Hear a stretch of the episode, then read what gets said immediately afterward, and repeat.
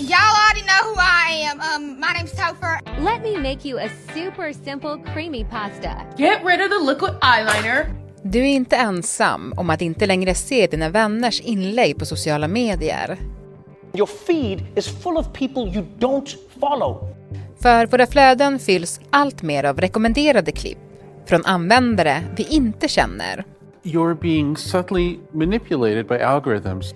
Har sociala medier gått från att handla om att umgås till att ägna sig åt passivt scrollande?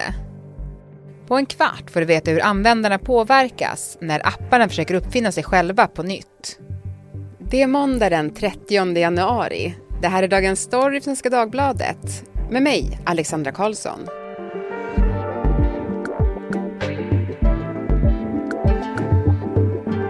Essie Klingberg, redaktör här på SvD Kultur. Du, hur har dina flöden på sociala medier sett ut på senaste? Ja, men det har väl inte undgått någon att eh, sociala medieflöden har blivit mer videoorienterade och eh, man går in på Instagram och det är kanske inte längre en, en kompis semesterbild man ser utan vare sig man valt eller inte så kommer det upp kanske någon eh, amerikansk matlagningsvideo från en influencer. Jag menar att strömningen är sammanlänkad med en annan utveckling där sociala medier handlar allt mindre om personer vi känner och allt mer om personer vi inte känner. Och du har ju skrivit en understreckare om det. Stort. Ja. Tack, ja. Eh, väldigt kul. Det är en del av en serie kan jag nämna som vi har här på kultursidans understrecket som är, har rubriken Världen som väntar. Mm. Så det kan man läsa de övriga delarna också. Vi ska prata om din del då. Jag ska bara säga att understrecket är ju om man är lite tidningsnörd eller romantiker som jag är så är det ju liksom en institution på Svenska Dagbladet. Absolut. Det är så fördjupande essäer som, som finns varje dag. Varje dag. Som har funnits sedan 1918. Men du, vad är det du menar håller på att hända då? Ja, alltså jag menar ju att vårt förhållningssätt eh, till sociala medier håller på att förändras i grunden eller kanske redan har eh, förändrats. Från att ha varit tydligt nätverksbaserade, alltså handla om om våra kontaktnät till att sociala medier glider åt att vara just medier. På ett sätt så kan man säga att det mer liknar då andra underhållningsmedier. Alltså Instagram blir lite av en, en tv-tablå där alla program pågår samtidigt dygnet runt snarare än det här gemytliga samkvämet som det kanske varit tidigare. Men varför sker det här nu då?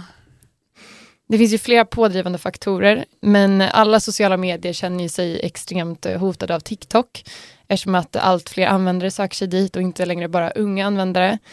Och det är ju en utveckling som pågått länge, att eh, sociala medier införlivar varandras funktioner. Att det, alla sociala medier går mer åt att likna varandra. Så därför så vill jag kolla lite närmre på vilka användarbeteenden som faktiskt främjas på TikTok, i och med att det är den ledande jätten. Och eh, till att börja med så kan man säga att TikTok själva inte kallar sig ett socialt medium, utan de kallar sig en underhållningsapp. Så de gör den distinktionen och det som är utmärkande för TikTok är att allt material samlas i ett flöde som är väldigt skräddarsytt och eh, algoritmbaserat, så det bryr sig inte så mycket om vem du har angett att du vill följa. Och det här har liksom en effekt på användarna. Till exempel enligt en sammanställning från Internetstiftelsen så uppger bara en av fem av alla tillfrågade svenska TikTok-användare att de själva brukar lägga ut videor. Och eh, bara en fjärdedel säger att de chattar med folk som de känner i appen. Men eh, väldigt många, alltså nästan alla tillfrågade, säger att de tar del av TikTok-klipp från personer som de inte känner.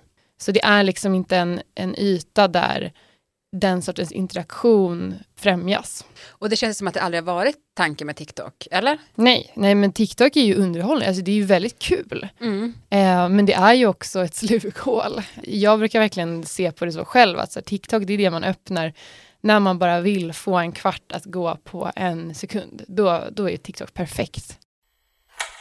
Once you watch the one video you're like, well, time to watch another. So you just keep doing, it's like a cycle you don't realize that the time is passing. Men du var lite inne på det här eh, i början när jag frågade hur dina eh, sociala medier ser ut då. För jag menar, vad betyder den här förändringen för oss vanliga användare? Ja, men det innebär ju att sociala medier inte längre främjar eh, relationer från verkliga livet i första hand. Många har liksom vittnat om det här atmosfärsskiftet på sociala medier Jag tar upp fler exempel i texten.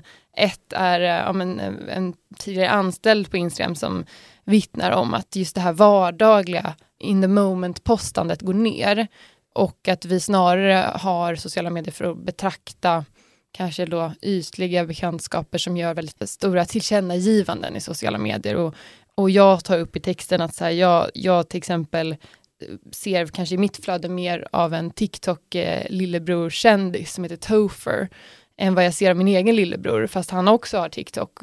Det tycker jag är, är talande. Vissa har refererat till den här sortens nya sociala medier eh, som performance media, mm. vilket eh, är ett väldigt passande begrepp eftersom att det, det både, både kan syfta på ett framförande eller prestation. Ja, men jag tänker på det jättemycket själv också. De jag ser på Instagram nu, eller det jag följer där, det är mycket mer typ så hur man lägger en eyeliner. Alltså när jag behöver lära mig någonting. Och så är det alltid sådana som har videos på det.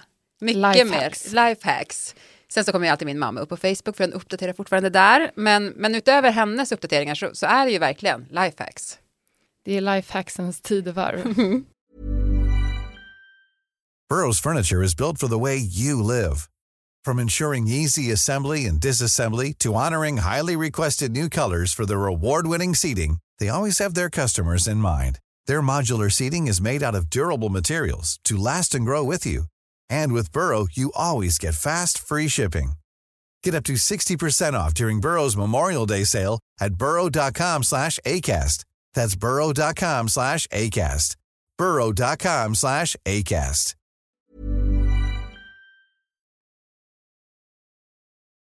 Jag tänkte på en sak, alltså även de som lever på sociala medier, alltså influencer, det här då, om det är ett, många som kollar på de som skapar liksom innehåll, där har det också varit lite så här protester mot den här förändringen. Och då tänker jag väl bland annat Kim Kardashian som jag följer, som gjorde ett eh, som kritiserade Instagram för att det började likna för mycket TikTok. Och hon bara, jag vill bara gulliga bilder på mina vänner och sådär. Alltså man kan ju tänka att hon borde gynnas av det här.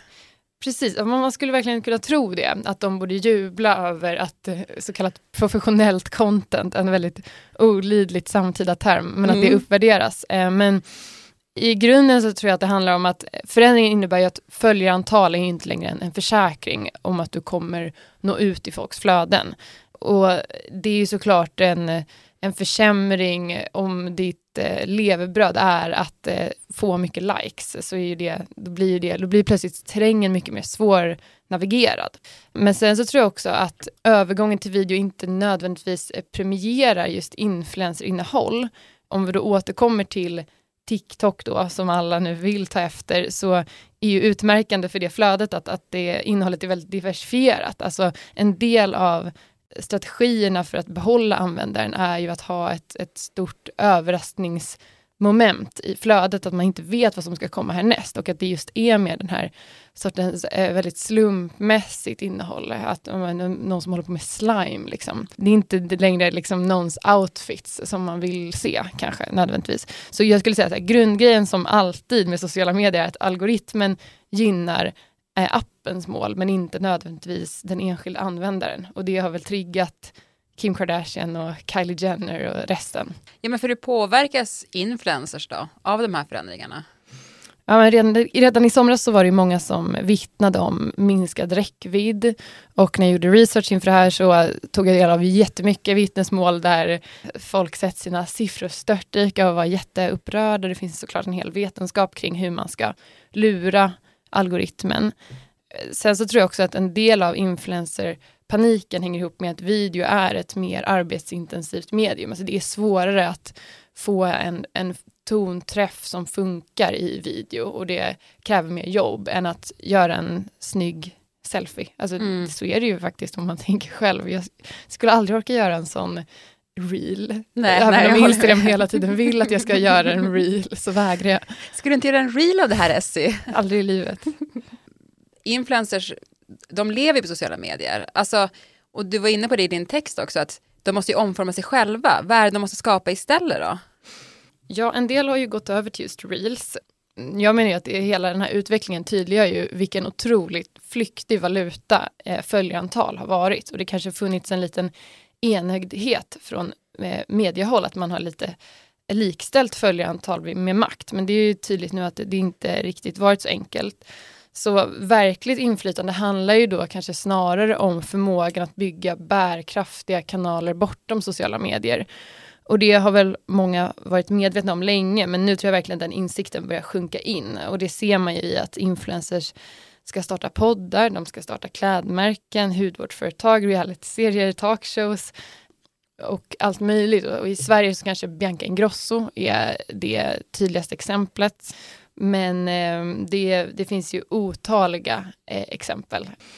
Jag tror ju också att det finns en, en, ett ytterligare lager i influencer-ekonomin som man bara kan nå om man blir lite mer sparsmakad i vad man delar med sig av. Och, och där tror jag ju upp olika amerikanska superkändisar som kanske börjat som den här sortens influencer, influencer och, och sen frigjort sig från det genom att bli lite mer eh, tysta. Och eh, Kardashian-klanen eller eh, systrarna Hadid är ju kanske ett tydligt exempel på det, att de, de vill visa att de är A-kändisar genom att eh, eh vara lite mer eh, tillbakadragna från sociala medier. Och det gör att man kan nå ännu mer eh, lyxiga samarbeten och liksom verkligen vara en A-listekändis.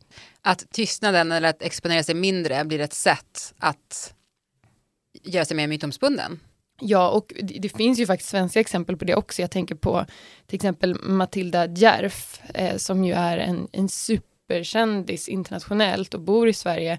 Men hon är ju verkligen inte, hon är lite utav en Greta Garbo-figur. På det sättet så är det ju roligt att det är som en sån vi är i den eran nu, att man ska vara så mystisk. Och hon är inte alls särskilt personlig och hon vill inte ha någonting med offentligheten att göra. Hon blir superhyllad för att hon vägrar åka till eh, Paris Fashion Week. Och eh, det är ju liksom en, kanske då nästa era i influencerskapet. Jag, jag tror att de villkoren är lite under förhandling fortfarande. Att det blir en reaktion på det här att man ska synas jättemycket, att det snarare, man ska inte göra det? Eller hur ska man du, förstå den liksom, nästa eran? Du måste ju fortfarande på något vis bli känd, men eh, jag, jag, bara, jag kan ju bara konstatera att man ser många exempel på i alla fall de som når den här, den här höga nivån av kändisskap, att de väljer plötsligt att laborera med nya medel. Sen så det är ju svårt att bli känd om du aldrig börjar harva med de där inläggen från första början, men jag, jag tycker bara det är en intressant eh, en int intressant trend att notera. Men det här då om sociala medier börjar bli allt mer som traditionella medier, att vi kollar på det som man ser på typ tv eller en serie. Alltså vad innebär det för plattformarna att allt fler vanliga användare postar allt mindre? Att det blir mindre det här relationsbyggandet? Ja, alltså man kan ju för det första säga att det är ganska svårt att få tillgång till tillförlitlig data om just postandet. Eh, så det kanske egentligen är lite svårt att säga om, utan det är mer så här vittnesmål inifrån Instagram och så. Men däremot så finns det data på räckvidden på både Facebook och Instagram, alltså hur många inläggen når. Och där kan man säga att det går ner på båda plattformarna, det går ner snabbare på Instagram. Och så om, man, om, om du som lyssnare sett ditt likesantal störtdyka så är du liksom inte ensam utan att vara för allt för svepande så kan man ju verkligen konstatera att ens incitament att posta går ju ner när man inte får likes. Och det är ju, jag tror absolut att man från sociala mediehåll känner ett visst panik, vilket märks i en del av åtgärderna som man håller på med nu.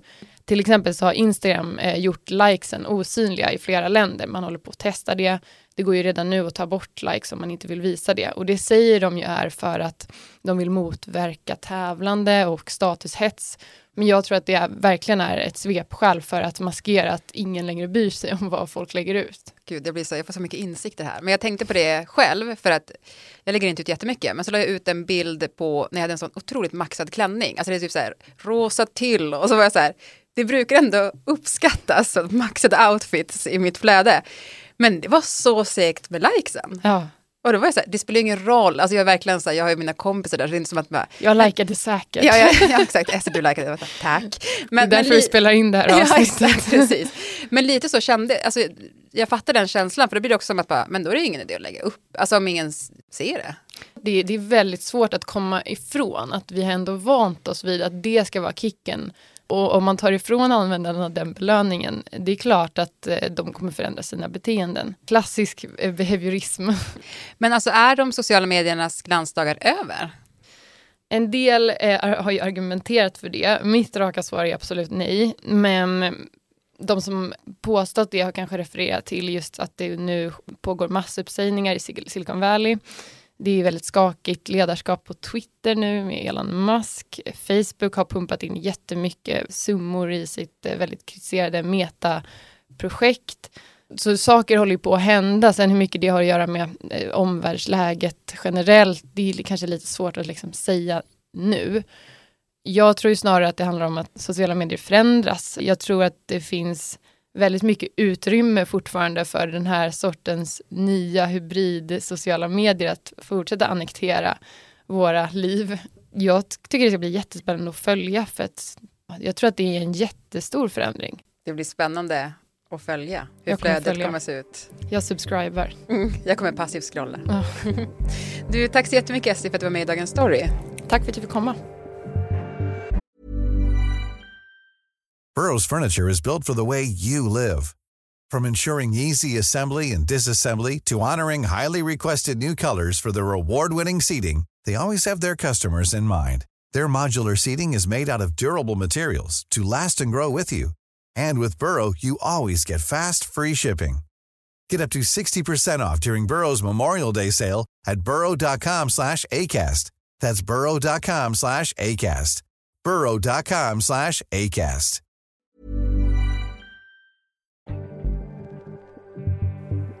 Vi som gjorde programmet idag är producent Julia Vireus, redaktör Verika Erika Hallhagen och jag heter Alexandra Karlsson. Vill du kontakta oss så mejla till dagensstory.svd.se. Klippen i programmet kom från CNN, TED Talks, Daily Show och Ekotipset.